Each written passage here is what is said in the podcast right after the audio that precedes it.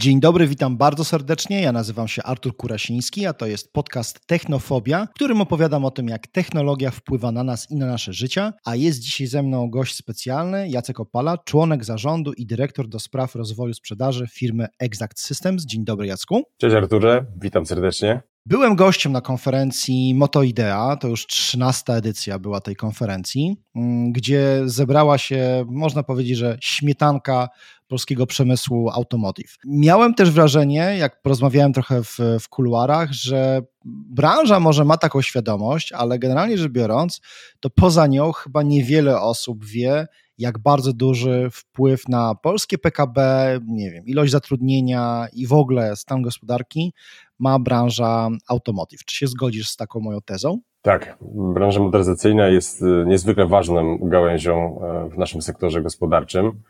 Mm, odpowiada za dość spory e, kawałek zatrudnienia, jak również naszego eksportu, więc y, jest, jest, jest y, istotną mm, gałęzią. Mm, my jesteśmy jako Polska postrzegani jako tak zwany kraj poddostawczy, czyli tu powiedzmy słyniemy z tego, że mamy świetne wyspecjalizowane fabryki, które mogą być poddostawcą rzędu pierwszego, drugiego w łańcuchu dostaw właśnie dla producentów e, motoryzacyjnych na całym świecie. Jacku, jakie są obecnie nastroje w branży? E, czy widać efekt pandemii, przerwa na łańcuchach dostaw, łańcuchów dostaw, inflacji, wojny w Ukrainie i obecnie na, na Bliskim Wschodzie? Czy to się odbija jakoś na branży? W branży bardzo dużo się dzieje i ostatnie cztery lata, powiedzmy, no, charakteryzowały się dość sporą dynamiką na konferencji dało się e, słyszeć również takie głosy, że ta dynamika, która doświadczała nas, czy, czy te nieprzewidywalne e, sytuacje, których, e, których dos, dos, doświadczali menadżerowie zarządzający fabrykami motoryzacyjnymi w ostatnich czterech latach, e, no, nie są czymś, co się skończyło i raczej możemy się spodziewać jeszcze większej dynamiki, jeszcze większego rollercoastera. Dlatego z nadzieją też podchodzimy do tego mm, w taki sposób, że może był to okres cennej lekcji nauki i dzisiaj będziemy jeszcze lepiej przygotowani do tego typu mm, sytuacji. Nasze przedsiębiorstwa będziemy w stanie też w sposób właściwy e, prowadzić i zarządzać, e, właśnie mitygując to, to, to, to ryzyko. Te, te, tą sytuację, którą, e, te, te, te zdarzenia, które przywołałeś, czyli pandemia, zerwane łańcuchy, wojna w Ukrainie, no to wszystko e, kumuluje się jeszcze z, tą, e, z tym trendem elektromobilnościowym, czyli z tą taką transformacją, którą dzisiaj przechodzi branża motoryzacyjna. To są na pewno wyzwania, które stoją przed fabrykami, przed menedżerami, dlatego też myślę tak chętnie uczestnicy e, podchodzili do tego wydarzenia. Mieliśmy rekordową edycję, trzynastą. Myślę, że po opiniach, e, które do nas spływają, nie była to na szczęście pechowa trzynastka. Mieliśmy rekordową ilość, dokładnie 315 uczestników, więc w porównaniu do, do, do wartości z zeszłego roku, czyli 200 uczestników, no był rekord. No i spędziliśmy, myślę, bardzo interesujące i dynamiczne dwa dni. Dyskutowaliśmy na różne tematy, podejmowaliśmy E, oczywiście wątków e, HR-owych, e, kwestii tego, w jaki sposób podchodzić do rekrutacji, żeby ją skutecznie przeprowadzać, w jaki sposób, jakie są sposoby na to, żeby utrzymywać kadrę i jakby podnosić te, te, te, te statystyki retencji. Mm, rozmawialiśmy też o, o trendach na rynku pracy, co się zmienia, w jaki sposób też możemy się w tym wszystkim odnaleźć. Nie zabrakło oczywiście wątków e, dotyczących kondycji przemysłu motoryzacyjnego, jakie są e, szanse w tym momencie i zagrożenia, czy wyzwania i szanse dla przemysłu motoryzacyjnego, dla tych fabryk, które są zlokalizowane w Polsce. Rozmawialiśmy też o, o tym komponencie chińskim, E, czyli tej takiej powiedzmy e, e, w cudzysłowie inwazji producentów chińskich na Europę, czy, czy, czy, czy, czy to w jaki sposób jest trend, który się utrzyma, jakie z tego tytułu zagrożenia płyną. No i mówiliśmy też o elektromobilności i, i, i jakby z tymi komentarzami, że mamy, dostrzegamy Europę trzech prędkości, czyli nie, nie wszystkie kraje powiedzmy z tą elektromobilnością radzą sobie w taki sam sposób. Do kwestii chińskich producentów i motobarometru będę chciał wrócić w kolejnych pytaniach, a teraz chciałbym się Ciebie zapytać o kwestię, co dokładnie robi firma Exact Systems? Czyli bardzo proste pytanie z serii takich najtrudniejszych, które można sobie zadać, bo, bo wielu z nas ma chyba problem, żeby w sposób precyzyjny jasny, zrozumiały wytłumaczyć, czym się zajmujemy. Ja spróbuję e, podjąć się tego zadania od samego początku, czyli od takiego rysu historycznego. Firma Exact Systems jest polską firmą, e, która powstała w 2004 roku w Częstochowie, gdzie zlokalizowany jest nasz pierwszy klient, zakład e, w tamtym czasie TRW, dzisiaj ZF, który obsługujemy do dnia dzisiejszego, więc przez blisko 20 lat jest z nami nasz e, pierwszy klient. Branża motoryzacyjna, która dzisiaj też stanowi bardzo silną grupę odbiorców e, dla naszych usług.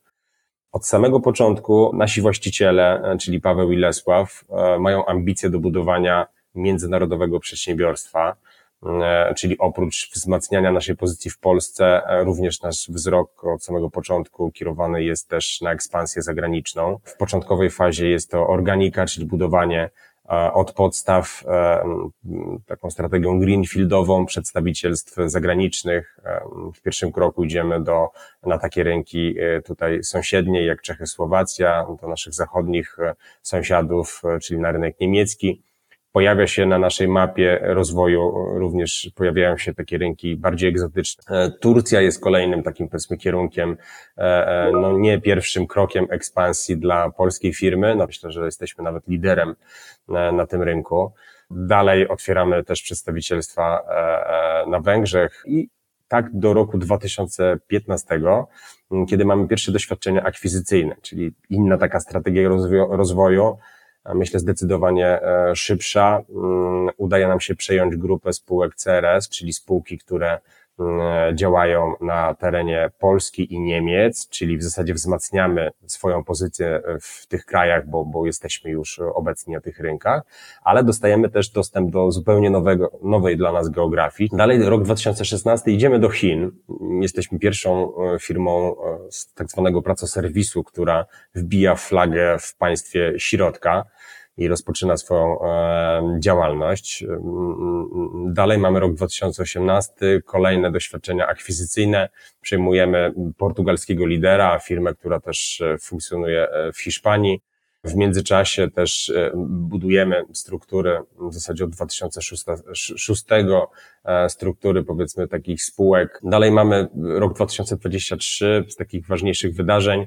E, na początku roku e, udaje nam się doprowadzić skutecznie do takiego partnerstwa z francuską firmą i wspólnie z naszymi przyjaciółmi z Francji, z firmą Sneci, e, otwieramy dwie spółki joint venture. To jest znowu inna strategia rozwoju, którą którą mamy przyjemność doświadczać. Wynikiem tej współpracy jest e, uruchomienie dwóch spółek. Jedna spółka w Polsce, druga spółka we Francji, czyli znowu dostajemy mm, dostęp do nowej geografii. Wchodzimy na rynek francuski, który jest niezwykle ważny dla branży motoryzacyjnej. I bardzo świeże wydarzenia z września 2023 przejmujemy spółkę technologiczną MV Center, jest to też polska e, firma, która od 14 lat zajmuje się rozwiązaniami automatyzującymi procesy kontroli jakości w oparciu o wizję maszynową. Otóż do tej pory przed przejęciem tej spółki technologicznej we wszystkich naszych biznesach mamy jeden wspólny mianownik. Tym mianownikiem jest komponent ludzki, czyli wszystko to, co robimy dla naszych klientów oparte jest o ludzi. My sobie to jakby skatalogowaliśmy w trzy takie filary. Pierwszy filar jest to e, grupa usług mających na celu e, e, zabezpieczanie jakości wyrobów, czyli działamy prewencyjnie, tak żeby nie dopuścić do konsekwencji wadliwej jakości. A te konsekwencje możesz sobie łatwo wyobrazić. Jeżeli pracujemy z branżą motoryzacyjną, no to brak jakości może spowodować, że samochód będzie zagrażał życiu pasażerów, pasażerów czy, czy kierowcy. Pół biedy, jeżeli to jest pralka i mówimy o, o, o usługach jakościowych dla branży AGD, RTV, bo to też jest dla nas bardzo duży klient, no bo wtedy może nam się ewentualnie wylać woda, czy, e, czy, czy porazi nas prąd. Natomiast no w przypadku samochodów czy samolotów, no to tak, te, te konsekwencje jakości, jakości, braku jakości są niezwykle poważne. Potem druga grupa to są usługi eksperckie. Tutaj właśnie boosterem dla nas był, była, było nawiązanie współpracy z firmą Sneci, która jest ekspertem, jeżeli chodzi o właśnie te o usługi specjalistyczne. Mówimy tutaj już o takiej kadrze z ogromnym doświadczeniem, bo to są ludzie na przykład z 15-20-letnim e, doświadczeniem, z takimi unikatowymi kompetencjami, których bardzo często w obrębie nawet danego kraju nie jesteś, klient nie jest w stanie znaleźć i, i, i my bardzo często posiłkujemy się delegacją takiej osoby z jednego kraju, wysyłając na projekt do drugiego, bo po prostu są to tak unikatowe kompetencje. W tej grupie spółek, w tej grupie usług też jest wiele takich rozwiązań różnych. Między innymi jesteśmy w stanie jakby walidować czy pomagać dostawcom, którzy starają się o współpracę z producentami e, samochodów. Jesteśmy w stanie jakby przeprowadzić ich przez cały proces, doprowadzając do momentu, kiedy zaczynają otrzymywać zapytania ofertowe. Bardzo jakby dynamicznie, prężnie tutaj w tej części działamy właśnie, jeżeli chodzi o francuskich e, dostawców, czyli grupę Renault, grupę Stellantis. Mamy też kompetencje dotyczące na przykład przenoszenia linii montażowych z jednej fabryki do drugiej, nawet z jednego kraju do drugiego kraju, więc też bardzo taka pojemna mm, grupa, ale o, znowu oparta o ten komponent ludzki, o ekspertów, o specjalistów wysokiej, mm, wysokiej klasy. I ostatnia grupa, mm, ją nazywamy e, HR-owe e, usługi, nasze rozwiązania właśnie dedykowane do obszarów niezwiązanych z kontrolą jakości i tutaj również jakby nie mamy ograniczenia, że co do, co do branż, w, w, których jesteśmy w stanie tutaj współpracować, bo może to być branża motoryzacyjna, może to być oczywiście branża AGD, ale może to być, nie wiem, e, mogą to być centra logistyczne, mogą to być sklepy, może to być nawet ogrodnictwo czy branża zbrojeniowa, w którą też blisko mm, zaczynamy współpracować. I te rozwiązania dotyczą takiej sensu stricte pracoserwis, czyli wsparcie osobami procesów, e, w których klient chce albo zbudować elastyczność, albo chce w jakiś sposób uzupełnić swoje braki kadrowe i my robimy to w oparciu o trzy rozwiązania. Pierwsze to jest e, outsourcing, czyli e, kompletne przejęcie procesu, który układamy, który nadzorujemy i za który też bierzemy pełną odpowiedzialność. Druga formuła jest to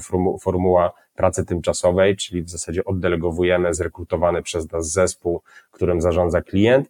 I trzecia to są tak zwane rekrutacje stałe, czyli w momencie, kiedy klient jest zainteresowany, żebyśmy tylko zarządzili procesem rekrutacyjnym i na koniec dostarczyli mu kandydatów do zatrudnienia. Bardzo dużo informacji, dziękuję. Mówiłem, że nie będzie, że nie będzie łatwo. Nie, obiecałeś i dokładnie to zrobiłeś. Także bardzo duże i kompleksowe e, wyjaśnienie. Dziękuję. To teraz chciałbym troszkę wrócić do wątku związanego z polskimi samochodami elektrycznymi, czyli czy jest sens produkować w Polsce samochód elektryczny? Jeżeli tak, to jak to robić i czy wybieranie partnera chińskiego jest tutaj jakąś dobrą opcją? Rozumiem, że nawiązujesz do naszego flagowego rządowego projektu Izery, jakby to są dwie rzeczy, na które trzeba zwrócić uwagę.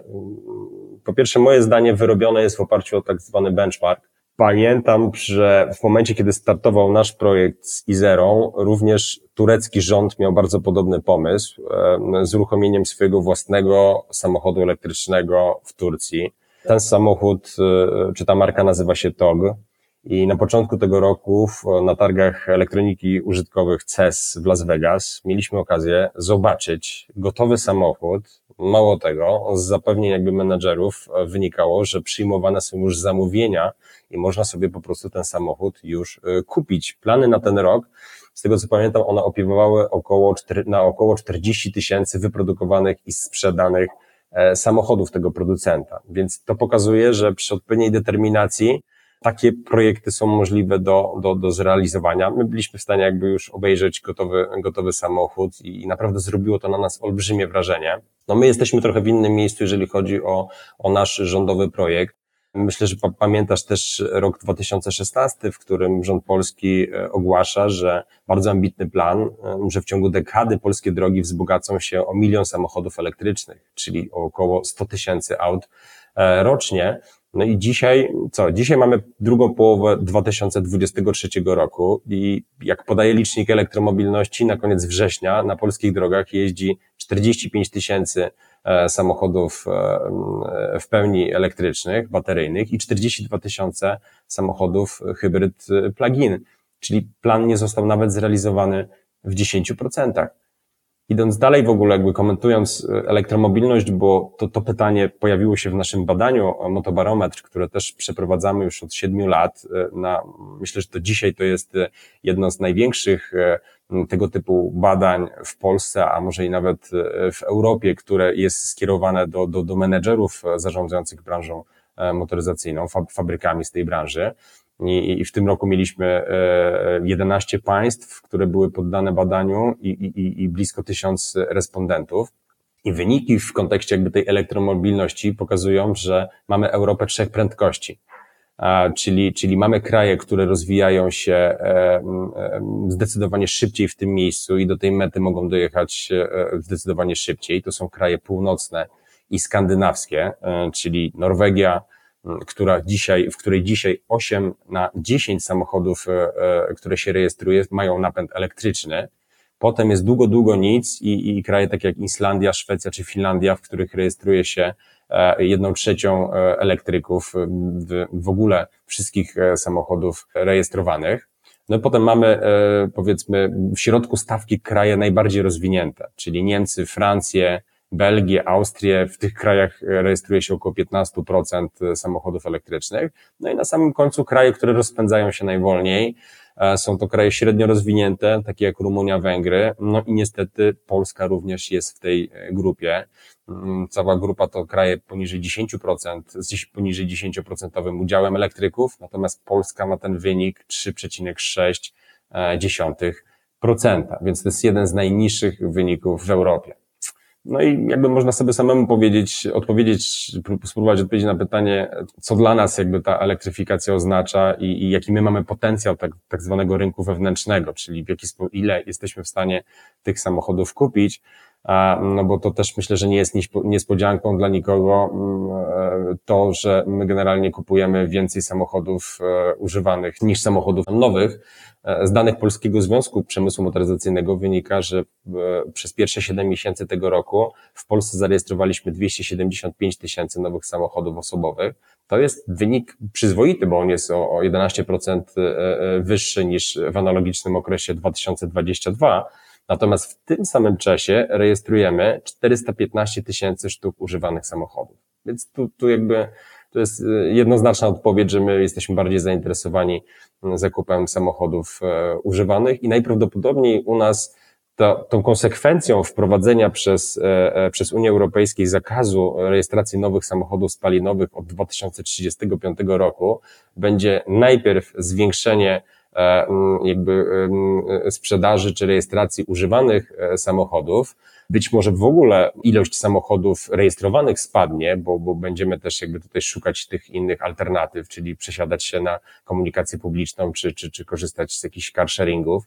E, to też jakby potwierdza, potwierdzają odpowiedzi, które uzyskaliśmy w naszych badaniach. I, I najpierw możemy się spodziewać, że Polskę zaleje fala samochodów sprowadzanych z zagranicy i oby nie były to samochody tak stare, jak, jak dzisiaj pokazują statystyki, bo, bo te, które dzisiaj sprowadzamy, no to e, statystycznie dwa na trzy sprowadzane samochody z zagranicy mają więcej niż 10 lat. Więc, więc gdybyśmy nie zmienili tego trendu i faktycznie konsekwencją będzie e, większa ilość sprowadzanych samochodów z zagranicy, no to obawiam się, że może nas zalać fala e, po, po prostu jakichś tutaj no, bardzo starych samochodów, których będzie się pozbywać Europa.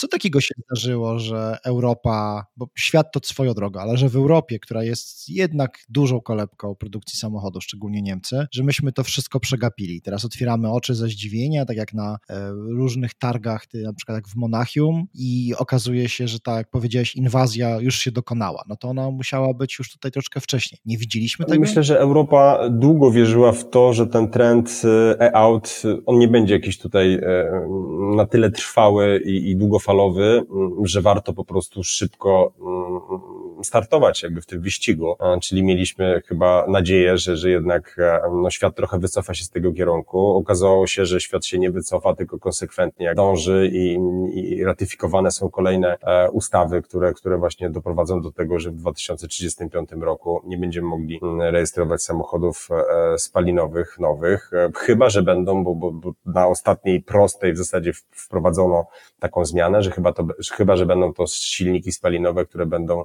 napędzane napędzane tak zwanymi e-paliwami, czyli paliwami syntetycznymi, co też w jakiś sposób może trochę uchronić e, ten, ten, ten silnik spalinowy i, i, i być może nie wykluczy e, z mobilności osób, które są mniej zamożne, czy też jakby, no, który, których po prostu nie stać też na, na zakup samochodu elektrycznego, bo dzisiaj ten samochód e, jest zdecydowanie droższy statystycznie w Polsce po, po takich średnich cenach transakcyjnych, które mamy, to samochód elektryczny jest droższy o 100 tysięcy złotych niż średnia cena transakcyjna dla samych samochodu spalinowego. I, i ten średnia cena elektryka dzisiaj wynosi 270 tysięcy złotych, no to myślę, że tutaj konkluzja sama się po prostu nasuwa, że w większości społeczeństwa na takie samochody nie stać. Dzisiaj elektryki w Polsce są kupowane przez ludzi zamożnych, którzy też w jakiś sposób, że użytkują ten samochód jako drugi, a może nawet trzeci samochód w rodzinie, chcą się cieszyć dostępem do, do, do najwyższej technologii, są zainteresowani właśnie tym, żeby kupować te drogie rozwiązania e, i tą technologię. Dlatego pewnie też myślę, że to jest usprawiedliwienie też dla europejskich e, e, producentów, dlatego też taką ofertę mamy, tak? Bo, bo taka jest struktura klientowska, więc dlatego też jest taka oferta i pewnie jak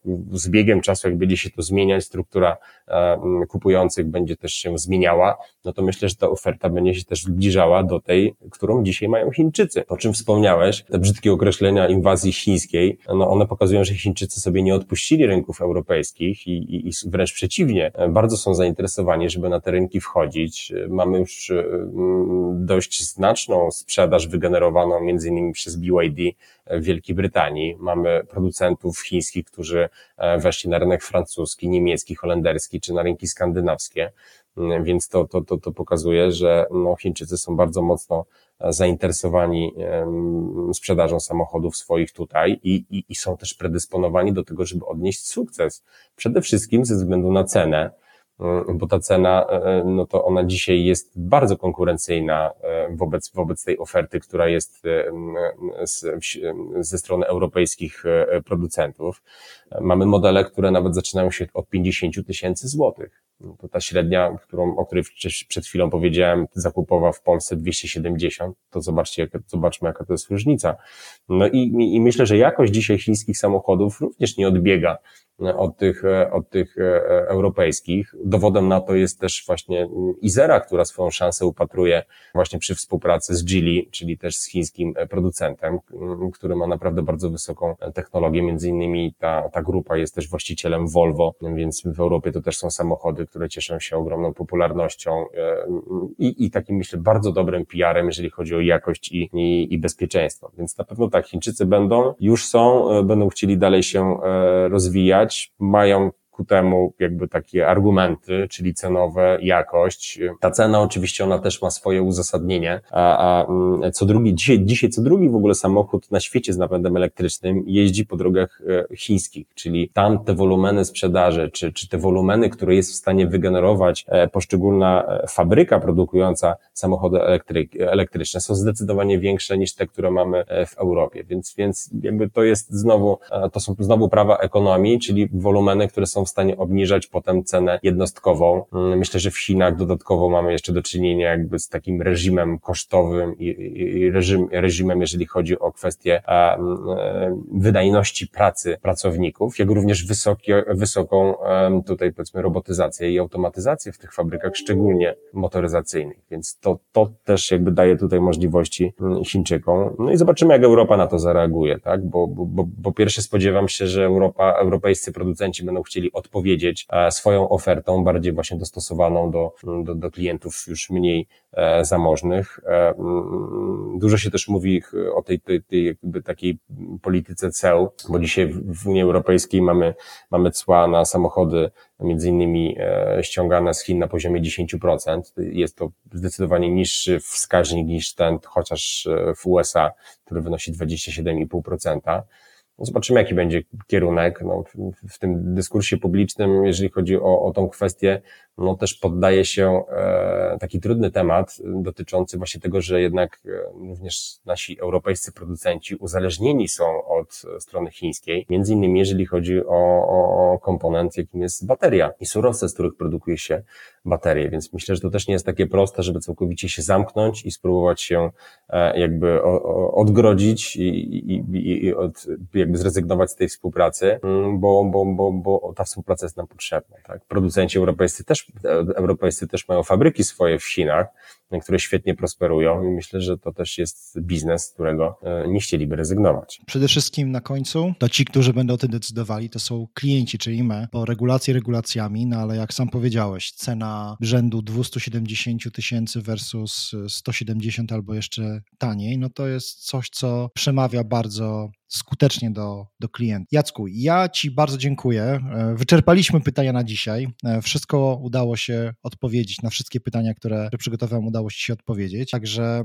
bardzo Ci dziękuję. Jak rozumiem, w przyszłym roku Moto Idea 14 edycja już możemy spokojnie zaprosić. Tak, już dzisiaj zapraszamy do jesiennej edycji w przyszłym roku. Myślę, że to też będzie koniec października. Wkrótce będziemy publikować informacje Save the Date. Dla tych, którzy też chcieliby mm, zapoznać się bardziej szczegółowo z wynikami badania, zachęcam do, do odwiedzin strony www.motobarometr.pl. Tam można też e, jakby no, bardziej szczegółowo zapoznać się z wynikami e, respondentów nie tylko z Polski, ale również z tych pozostałych państw, które zostały objęte badaniem. Dziękuję również za rozmowę. I tym samym optymistycznym akcentem kończymy nasz dzisiejszy wywiad. E, moim, a przede wszystkim waszym gościem był Jacek Opala, członek zarządu i dyrektor do spraw rozwoju sprzedaży w firmie Exact Systems. Dziękuję Ci jeszcze raz. Jacku. Dziękuję bardzo, kłaniam się. A ja zapraszam wszystkich, którzy są głodni podobnych informacji do słuchania innych odcinków e, mojego podcastu Technofobia, w którym opowiadam o tym, jak technologia zmienia nas i nasz świat. Ja nazywam się Artur Kurasiński, dziękuję za wysłuchanie i do usłyszenia.